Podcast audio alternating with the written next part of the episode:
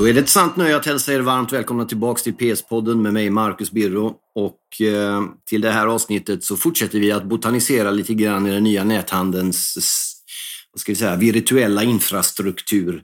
Eh, det blir ju allt svårare att nå mottagarna i det här nya, om vi ska kalla det kommunikationslandskap. Det är internet, sociala medier, mobil, dator, Facebook, Instagram, Twitter.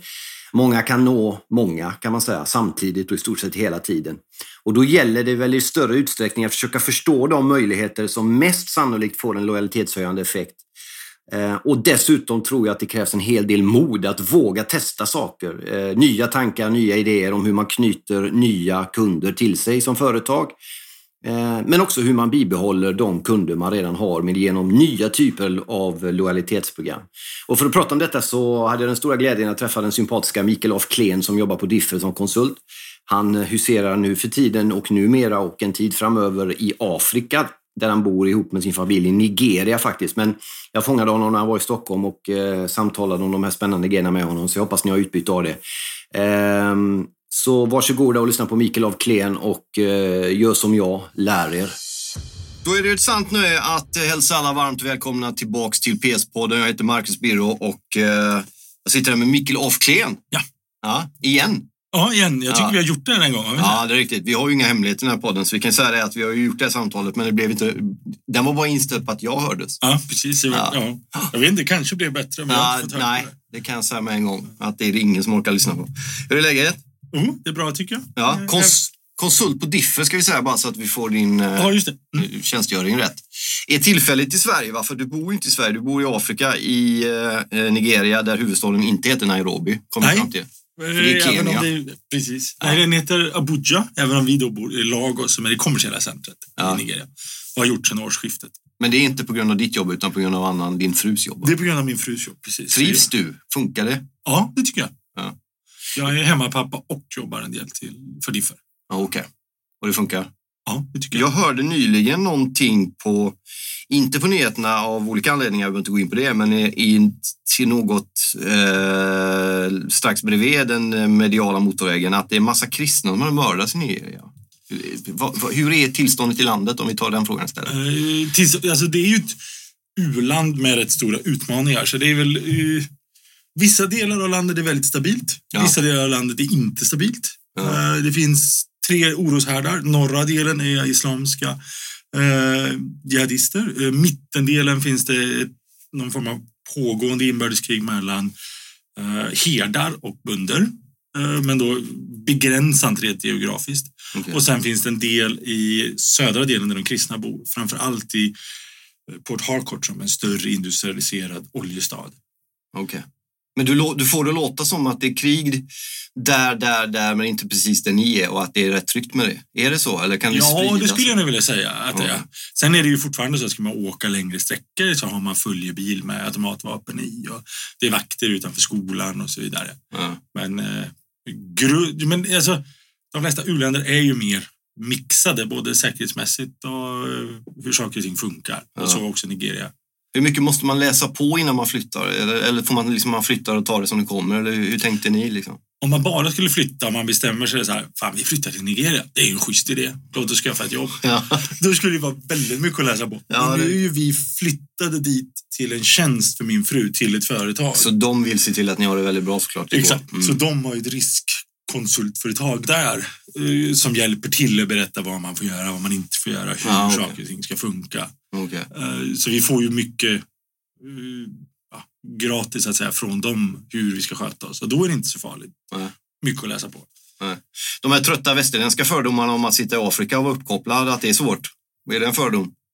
Eller går det? Nej, det, det, det, går definitivt. Uh, I vissa dagar har jag lyckats haft heldagsmöten på Skype. Oj! Andra dagar så kanske jag inte alls kommer ut överhuvudtaget. Nej, nej, okej. Och vi har fiber till lägenheten, men fiber kräver ju också ström. Och ström är inte nigerianska statens styrka. Nej, den bryts Så- ibland. Ja, så den bryts ibland. Och även om vi då har en DC-generator så kanske någonstans på vägen där det är kopplat till fibern så är det strömavbrott och då skiter sig alltihop. Ja.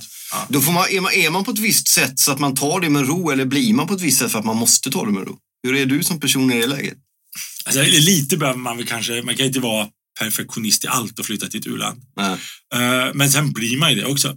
Okej, okay. om, eh, som min fru då, om hon jobbar med huvudkontoret här uppe och så säger hon att jag kan, det, det, funkar liksom inte nu, jag kan inte vara uppkopplad närmaste två timmarna för det är någonting. Så blir de lite stissiga, men hon har ju lärt sig att det, liksom, det är den takten det går i här nere. Så ja.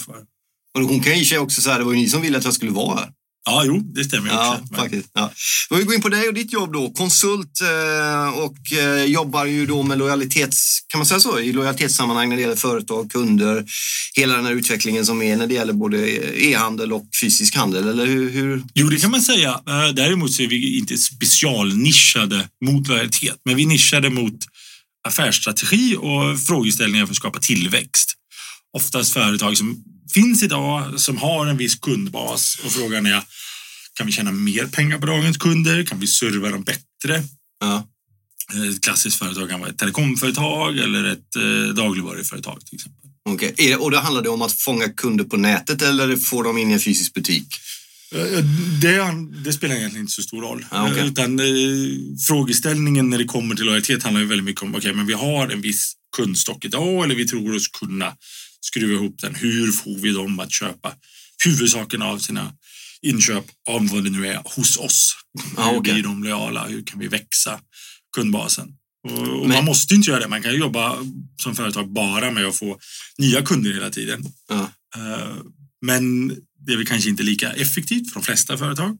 Eh, och vi jobbar ofta med att skapa tillväxt på dagens kunder. Har det där ändrats över tid? Är det viktigare nu att bibehålla kunder än att få nya kunder? Eller hur ser den kurvan ut? Liksom? Har det Om man tar ett väldigt långt perspektiv så ja, naturligtvis. 50, 60, 70-tal så handlade det mycket om att få ut rätt produkt och så marknadsföra den och så kommer någon och köper den. Liksom. Ja. För det finns inte så många konkurrenter. Ja. Sen har ju marknaderna ändrats så att det finns väldigt mycket konkurrenter. Så då måste man marknadsföra den rätt. Det blir ännu mer fokus på varumärket. Ja. Uh, och sen sista tiden så är det någon form av nervös förvirring inom många industrier, i alla fall som vi upplever det. Ja. Där man försöker, uh, oh, men vi måste finnas i alla kanaler, vi måste få ut det på nätet, vi måste finnas där, där, där, där, där. Och, och så kanske man tappar lite kärnan i vad man faktiskt erbjuder. Men eh, man finns i alla fall överallt. Men kan din uppgift vara att gå in och säga att till och med be ett företag lugna ner sig lite eller att ta bort eller dra sig ur? Eller jo, men en, eh, en analys är naturligtvis att titta liksom på hur mycket lägger man på marknadsföringen? Vad borde man, alltså den kommunikativa aspekten av marknadsföring. Ja. Och hur mycket borde man lägga på det? För det är ju som det har blivit nu i och med att du har haft en viss typ av media och så har du lagt på massa typer av media. Ja, exakt. Så är det ju lätt att bara börja spendera ihjäl sig på marknadsföring och kanske inte titta så mycket på ja, men hur skulle vi annars kunna skapa eh, återköp för mm. kunder?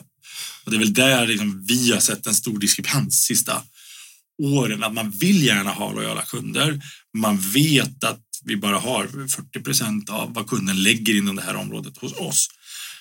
Men man fokuserar ändå bara på att trycka ut reklam eller köpa sökord och sånt. Och vi tror ju att det finns, eller vi ser oss hos att det finns en alternativ möjlighet. Liksom. Ja. Du kan skapa ett erbjudande, du kan jobba med lojalitet som gör att kunden återkommer. Men det är inte den gamla, och det är därför jag är lite nervös ibland när man säger lojalitet, för det blir väldigt mycket lojalitetsprogram och vi ska ha ett kort och vi ska ha poäng. Är du medlem? Fråga.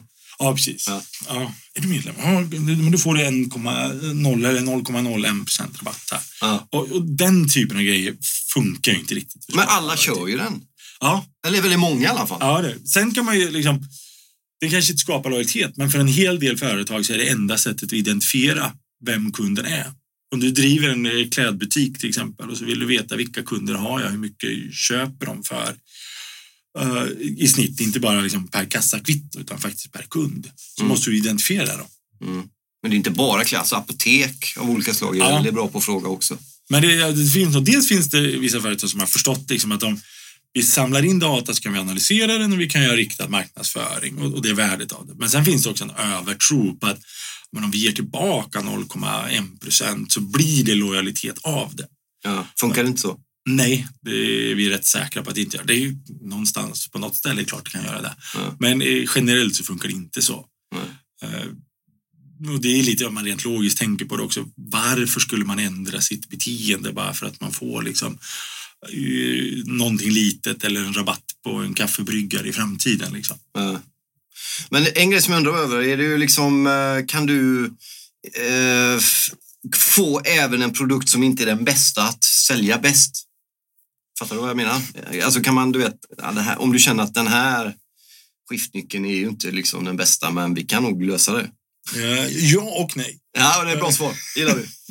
Ja, men grundläggande så är det naturligtvis så att du kan inte ha en eh, sämre eh, produkt eh, än marknaden och, och så måla på med lite marknadsföring, lite riktad reklam. Men om Gröna Lund hade legat bredvid Liseberg, hur många hade gått på Gröna Lund då? För Gröna Lund är ju tusen gånger sämre än Liseberg. Det säger jag inte bara för er från Göteborg. Eller, ja, men det är ju gamla träkår. Du vet, det är ju som en gammal Luna Park jämfört med Liseberg. Ja, jo, nej, men det är väl en funktion av att just de inte ligger bredvid varandra Ja, så kan okej. man kosta på sig att vara där. Liksom. Ja. Ja. Men för, så, ja, den blir väl eh, lite krystad tycker jag, Marcus, den jämförelsen. ja, det är riktigt. Den var inte helt klockren faktiskt. Men, men om vi, Så skiftnyckeln tycker jag är lite Ja, lättare. vi, läm- vi går till den direkt. Ja, bra. Eh, Men för om man behåller den, så, eh, så länge man har en tillräckligt bra skiftnyckel, så att Mm. liksom, ja, men snittet på marknaden eller de lite bättre skiftnycklarna, din skiftnyckel som du gör, de är ungefär lika bra. Ja. Så du, liksom, om någon tittar runt på marknaden, ja, vilka är bra skiftnycklar, ja, men då är du med i matchen. Och så länge du är med i matchen så, då går det att börja jobba med lojalitet. Och om man, nu har jag inte tittat specifikt på en verktygstillverkare, men det vi ser är ju att det måste finnas en logik för dig som kund att fortsätta köpa skiftnyckeln eller kanske köpa avbitartången också från samma företag. Ja. Och, och den logiken eh, måste på något sätt vara knuten till användandet. Okej, ja, men jag använder skiftnyckeln. Och, och så har jag på något, ändra så har du liksom skapat inställningar på skiftnyckeln. Du har lärt dig hur den funkar på ett visst sätt. Du har personaliserat den. Den kanske funkar jättebra ihop med avbitartången. Ändra liksom i väskor eller i system eller någonting. Och, och då kan ju kunden se en logik. Ja, men jag fortsätter att köpa från det här företaget för det blir bättre för mig. Ja, Och det blir bättre för mig när jag jobbar och använder det här. det hänger ihop. Ja. Och, och, och det är det väldigt enkla konceptet bakom som vi ser framtidens lojalitet. Det måste Ja. finnas en logik för kunden att vara lojal. Men vad blir ditt jobb i allt detta om företaget gör den här grejen? Eller är det du som talar om för företaget att de ska göra så här som du säger nu? Ja, ofta alltså, som konsulter så går vi in och så har man mer en affärsproblem. Liksom. Ja. Vi har inte tillräcklig tillväxt eller vi eh, ser att dagens kunder lägger för lite pengar hos oss. Och, och vårt jobb är oftast att dels skapa en analytisk bild av hur det är egentligen. Mm. Kan man göra det jättenoga eller lite mer översiktligt? Och sen skapa liksom en lösning på det. Och oftast är lösningen både på powerpoint-nivå, liksom, okay, ja, men vi borde tänka så här, vi borde göra så här och sen i nästa steg också, ja, men vad gör vi då? Hur får vi ut det? Liksom? Ja. Men en grej som vi pratade om förra gången kommer jag ihåg när det inte blev något eftersom det var fel. Då hade vi den här, eh, kommer du ihåg den här, den här företag med spik? Ja, just det. Spik och skruv. Ja. Spik och skruv. Kan du Dra, dra den, den, den var ju väldigt sådär bild, bildlig och bra. ja, och jag tycker det är lite roligt att ett företag från Akalla, ute vid motorvägen här borta, jobbar liksom som vi ser det i absoluta framkanten. För det är hyfsat lätt ändå att hitta liksom Silicon Valley-företag Ja, som ligger långt fram. ja de balla människorna. Ja, och Ja, då, okej. men då är det också lätt att tänka ah, men det är bara den, liksom, den absolut fräckaste produkten. Ja. Men om man tänker sig skruv, det är ändå en jävligt gammal produkt. Ja, det är riktigt. Han har varit med länge. Då. Och, och de ändå hittade ett sätt där man eh, dels faktiskt analyserade okay, vad behöver kunderna för bättre. Om vi nu vill att samma kund, samma snickare, ska köpa mer skruv av oss. Ja, Och, det man såg då var att han behöver inte bättre skruvar. De skruvarna är typ tillräckligt bra. ja, Vi behöver inte vassare skruv. Däremot så har han eh, ett jobb när han är ute och jobbar. Så funkar det liksom inte att mixa och plocka med sig sånt. Det är jävla bökigt. ja. Ja, men det finns ju lådor då för spik och skruv. Naturligtvis. Det är ju inte en helt revolutionerande tanke. ja. Men det finns inte någonting som verkligen förenklar hans arbete. Så då tänk, tog man fram en låda ett sätt då så att när du går och handlar nya skruvar Ja. så behöver du kanske som hantverkare ha med dig åtta stycken ut, åtta olika sorter. Ja. Ja, hur gör du det på ett bra sätt? Jo, man har en väldigt bra låda, men man har också ett mönster som gör att om du har åtta olika sorter så passar de jättebra i den här bärlådan. ja okej. Så det man har gjort är har man tittat på hur använder kunden produkten Ja, och kommer fram till att ja, men vi kan förbättra det. Och förbättrar vi det kommer vi troligtvis skapa en inlåsning. Men vi gör också en unik lösning, både bärlådan och själva små skruvlådorna ja, passar ihop på ett unikt sätt så du kan inte köpa någon annans. ja. Och, och, och det är liksom de två grundteserna i hur vi ser att lojalitet skapas. Du gör en förbättring i användandet och du tänker till kring hur låser jag in kunden. Ja. Och så länge det här är tillräckligt mycket bättre så kommer kunden köpa inlåsningen. För de förstår att det är du som har utvecklat och tänkt till det här. Men var det här företagets idé eller var det konsulten som kom till företaget? Alltså alla exempel som vi skriver om i artikeln och som vi pratar om är egentligen exempel som där ändrar någon konsult från ett annat företag än oss har varit just för att det blir så larvigt att sitta och prata om sina egna grejer tycker jag. Så det är mer logiken och tesen som är intressant. Ah, okej. Så det här är faktiskt de själva plus tror jag att Göteborgs speciellt konsultföretag som har hjälpt. Ah. Så du plussar andra konsulter egentligen fast eh, du är bättre? Ja, förutom att jag glömmer att nämna dem, men ändå. Ja, ja, ja. ja. Men hur, hur, hur väl förberedd är, är företagen eh, för den här framtiden då, som egentligen inte är en framtid utan redan är här, kan man väl säga. Alltså hur, hur förberedda är de på det? Hur De är flesta de? egentligen, jag tror att konceptet är enkelt att förstå. Ja, men det ska vara, kunden ska känna att det finns en eh, vinst med att vara lojal. Det blir bättre för mig. Ja. Men eh, vad som sen krävs i företagen, det är de inte så bra förberedda, i vår erfarenhet. Nej. Just för att det krävs en annan liksom, take på hur produktavdelningen jobbar, hur marknadsavdelningen jobbar. Ja. Produktavdelningen vill gärna göra saker som spottas ut och som ett halvår senare kommer i en ny version. Liksom. Ja. Och, och inte blanda in eh, det här kundvärdet och, och växa på egen kundbas för mycket. För det blir lite stissigt och lite svårt och krångligt. Och sånt. Ja. Men hur då svårt? Är det så halvfilosofiskt för dem? Eller är de, liksom, Ja, det, det ena är en filosofisk frågeställning. ja. Där, är de dåliga på det? Är de matematiker, kalla hjärtan? tiden? är, jag vet inte generellt om Nej. är dåliga på filosofi, men eh, i alla fall den här typen av filosofi eh, Ja. är svår. Eh, och det tror jag går tillbaka till att så som marknadsföring och som vi har tänkt kring strategi så är det egentligen 50-60-tal som vi var inne på nyss. Där man producerar någonting och sen handlar marknadsföring om att kommunicera ut det. Ja. Och- Och nu, om det liksom är i användandet någonting blir värt någonting, då eh, skapas ju stor del av värdet när du använder något. Inte när det ligger på en hylla i fabriken. Nej. Det blir lite flummigt att försöka konkretisera, men det finns en stor forskningsström som heter tjänstelogik eller service domain logic Ja. som har tittat just på eh, hur upplever vi tjänster eller produkter och, och hur ska företag tänka? Och, och där tror man då att fokus ska vara på när man använder och inte tänka att vi spottar ut färdiga grejer till ett lager. Så Nej. värdet skapas alltså i användningen. Ja. Om värdet skapas i användning då måste vi tänka om och då kommer vi tillbaka till filosofin. Då måste vi tänka om filosofin för liksom, produktutvecklingen, för marknadsföringen. Ja, men om vi stannar vid marknadsföring. Den, den är ju, det utvecklas ju då som sagt samtidigt så finns det ju fortfarande, det läggs väl liksom miljarder kronor på, här, om jag lyssnar på dig känns som gammal marknadsföring. Ja, men typ bioreklam, tv-reklam liksom.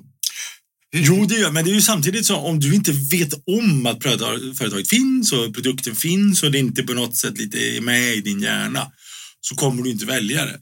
Så man kan, man kan aldrig bortse från klassisk kommunikation så att få ut det. Mm. Men det, du skapar inte lojalitet där.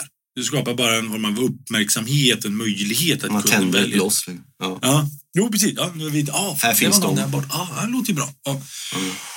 Så lojaliteten skapas någon annanstans. Men om du, inget företag klarar sig troligtvis med bara de kunder man har. Så man måste liksom hitta en mix. Du måste ut och skrika om att du finns. Liksom. Ja. Och, tror vi, du måste jobba med lojalitet. Ja.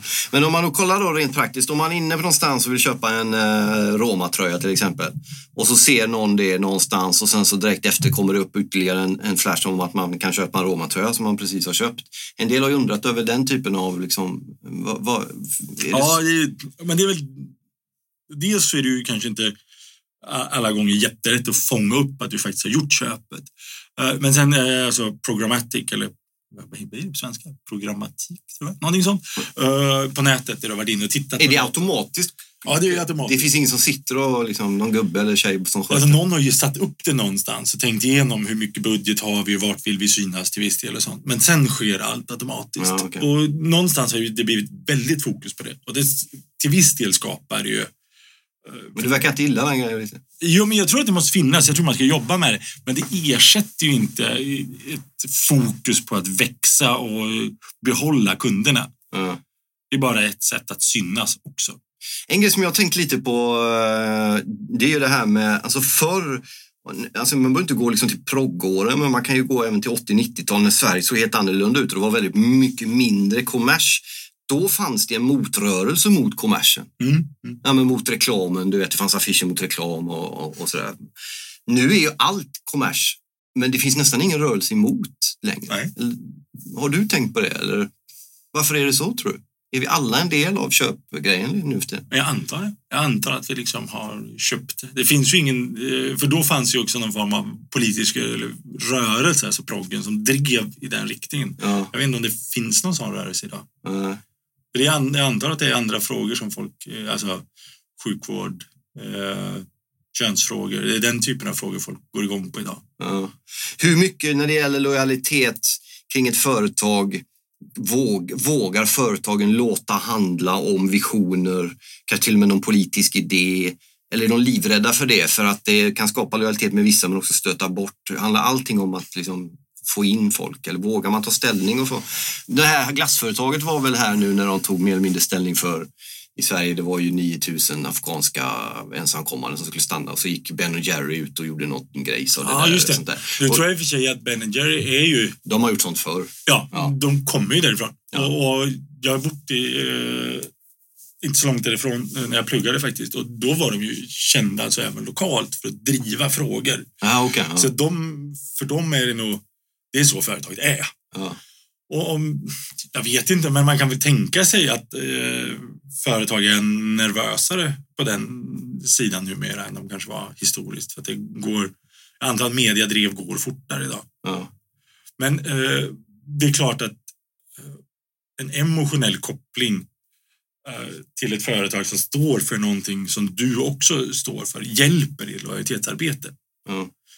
Eh, men då måste man våga stå för det konsekvent. Liksom. Det är det här Och hur många vågar det vet det är väl bara de enkla grejerna. Hållbarhet och okej. den Gröna typen av grejer. frågor man kanske Ja. vågar stå för. Svanmärkt och sånt. Ja. Vad är det roligaste med ditt jobb? När, när det är liksom att, eh, vad är kul? Liksom? Ja, men det roliga är, tror jag, att eh, det krävs... En, man måste tänka en del, man måste försöka få data, få siffror så vi kan ge rätt råd, fatta rätt affärsbeslut. Men sen rent personligt så slipper jag liksom göra samma sak flera gånger. Eh, Ja, du rör ju det vidare ja. Ja, jag får jobba på nya företag. Även om frågeställningar kan vara liksom samma, vi kan återanvända en del modeller. ja. Så jag har ändå jobbat tio år i linjen innan och då blir det ju lätt så att man sitter kanske, det tar tio månader att sitta i samma projekt eller samma, här är det ju snabbare. Kunden vill ju gärna att vi gör grejerna på två månader och så får man gå vidare till nästa kund. Jobbar du inom alla branscher eller har du några grejer som du känner, nah, Nej, vi har egentligen inte sagt att vi väljer bort branscher, inte jag heller. Sen blir det ju, alltså frågeställningen är ju mer vanlig inom vissa branscher. eh. Uh, Men de är vapenhandlare, Bofors eller något skulle säga, vi bygger lojalitet till våra kanoner. Ja, så, eh, det De skulle kanske- vara lite svårare eh, kanske att tänka sig att jobba för. Så vi har nog inte fattat. Vi har aldrig ställts inför frågan. Eh, Varken eh, vapen eller tobak eller på. Tar ni betalt utifrån resultat eller tar ni betalt liksom för konsulttjänsten? Det kan kunden välja. Ah, okej. Eh, Däremot så, så eh, många gånger så blir det att man börjar så ah, men vi ska ta betalt utifrån resultat och sånt. Men sen inser kunden också att ah, okej, men det finns ledtider, det finns osäkerheter och vad blir budgeten då? Så många gånger, lite tyvärr, så hamnar man liksom, ah, men det blir ett fast pris, det kostar så här mycket. okej. Mm. Och en finanschef eller en controller vill ju gärna eh, att det, vilken summa stoppar vi in i ruta G9 här, det här halvåret. Liksom. Ja. Och det går ju lite mot det här resultatdrivna arbetet. Men om man ser eh, tiden an då, det händer ju mycket liksom i den här handeln. Det, det, man bara liksom har stoppat upp, du vet, in sin, eh, sitt intresse i det här under en kort tid så märker man hur snabbt allting går. Väldigt mycket flyttat till, nät, till, till näthandel, till internethandel och sånt där. Samtidigt som många tycks vilja ha kvar någon form av upplevelse att ta sig ut till ställen och handla och sånt där. Jag menar, gallerier, framförallt ute i de mindre städerna kanske. Jag bodde i Norrköping i en massa år. Nu är det några år sedan, åtta eller något sånt, så det har hänt vansinnigt mycket sedan dess i den här världen. Men där var det ju ett lördagsnöje att gå genom gallerian fortfarande. Mm. Då. Hur, hur är det? Ser du några tendenser vart det är på väg och prognoser? Men all typ av affärsstrategi eller lojalitetsarbete måste naturligtvis ta hänsyn till digitalisering. ja. och överflyttning till eh, digitala kanaler. För det, liksom, det fortsätter ju bara. Det går inte att bortse ifrån. Det slår genom allt. Ja. Men än så länge har ju dels kanske det inte har påverkat tillräckligt, eller det kommer ju påverka ännu mer, är väl de flesta överens om. Ja. Och sen går det kanske in i en lite mer annan fas, tror jag, där vi som konsumenter blir lite vanare och den här programmatic eh, reklam och sånt kommer troligtvis inte se ut likadant. Och hittills har ju grund, som man tar DN till exempel, första steget är på något sätt att ha en papperstidning och så gör vi den digital. Nu är ju frågan, okej, men hur vill jag ha digitala nyheter om jag lever i en digital värld? Ska det vara voice, ska det vara video, ska det vara en annan typ av upplevelse? Så, och det är ju samma med en köpcentrum. Hur ska den funka i framtiden? Det kommer nog inte se likadant ut, men jag har ingen bra svar på det idag. Ja. Men är företagen med? Jag läste ju någonstans om de stora företagen, Hennes och Mauritz till exempel, har ju tappat, eh, i alla fall på börsen och, och det pratas om kris och jag vet inte hur mycket som är sant i det, men de har ju uppenbarligen väldigt mycket kvar på lager och de har verkar ha varit lite sena med att flytta över handeln till nätet och sådär. Är det lättare för mindre företag? Eh? Ja, det är klart det. Man har ju liksom inte... en- H&M har ju garanterat en företagsorganisation som ändå är byggd kring butiker. Eh, Har man kommit upp sig på H&M som har jobbat på något sätt kopplat till butik och så vidare. Man har en otrolig kompetens i det. Eh, Som är naturligtvis en styrka. Men det blir nog säkert också en nackdel, i alla fall i andra företag som vi har sett.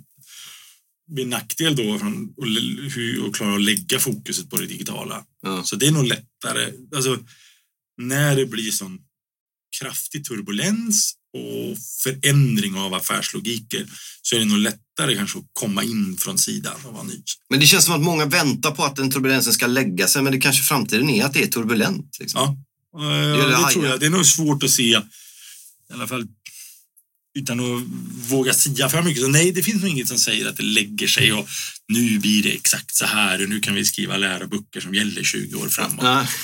Nej. Det är nog ingen... eh, Det tror jag är fel tänk. Däremot så går det liksom inte bara heller som vi tycker att se att bara åh, nu måste jag det, det, det, det, bara hoppa på massa saker. Utan, eh, grundtesen i artikeln är ju också att om man har en genomarbetad strategi mot dagens kunder och, och förstår vad som krävs för att få dem lojala så kommer det trumfa att finnas i alla kanaler överallt på något sätt och hoppa på alla digitala tåg. Ja. Och när du pratar alla kanaler, då är det sociala medier du pratar då? Är det... Ja, det är väl en kanal. Eh, Ja, okej. Vad är de andra då som de vill vara med på, men kanske inte behöver om de kan tänka igenom det med konsulthjälp? Eh, ja, så det blir ju liksom en, ska det vara programmatic buying ska det finnas i alla typer av hemsidor som du besöker, sociala medier Ja, okej. ja. och så vidare. Eh, Ja.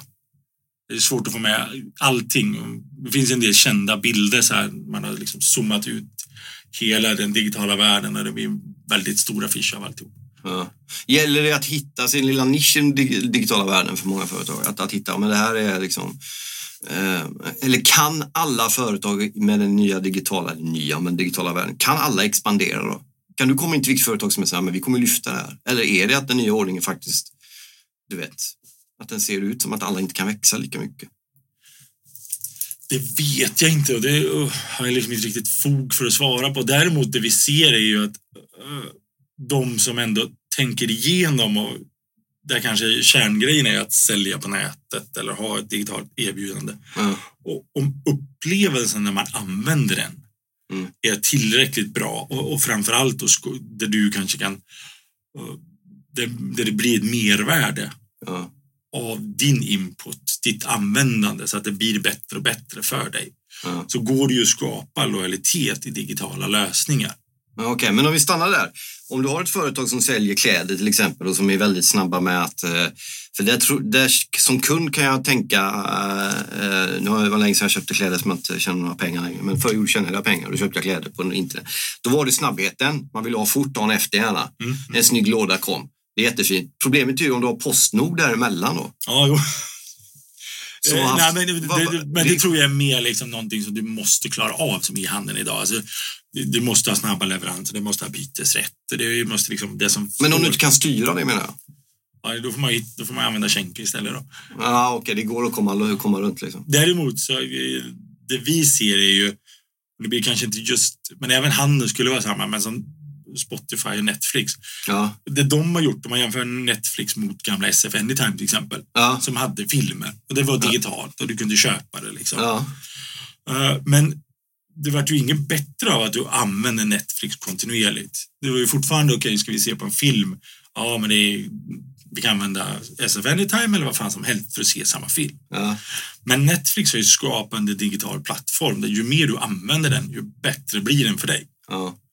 Och, därav så tror jag att många som använder Netflix idag och som vill titta på en amerikansk storfilm som ni vet finns där. De funderar inte på, hade det varit bättre att se den på någon annanstans? Ska vi surfa in liksom? Och, ja, de flesta nöjer sig nog med Netflix. ja. Men en Så de har ju skapat en digi- de har ju inte, ja, nu har de börjat ha, men i grunden hade de ju inte andra filmer eller andra tv-program än vad SF Anytime eller någon annan hade. Nej, de hade samma något år gamla. dig- deras digitala upplevelse så mycket bättre och den blir bättre varje gång du använder den.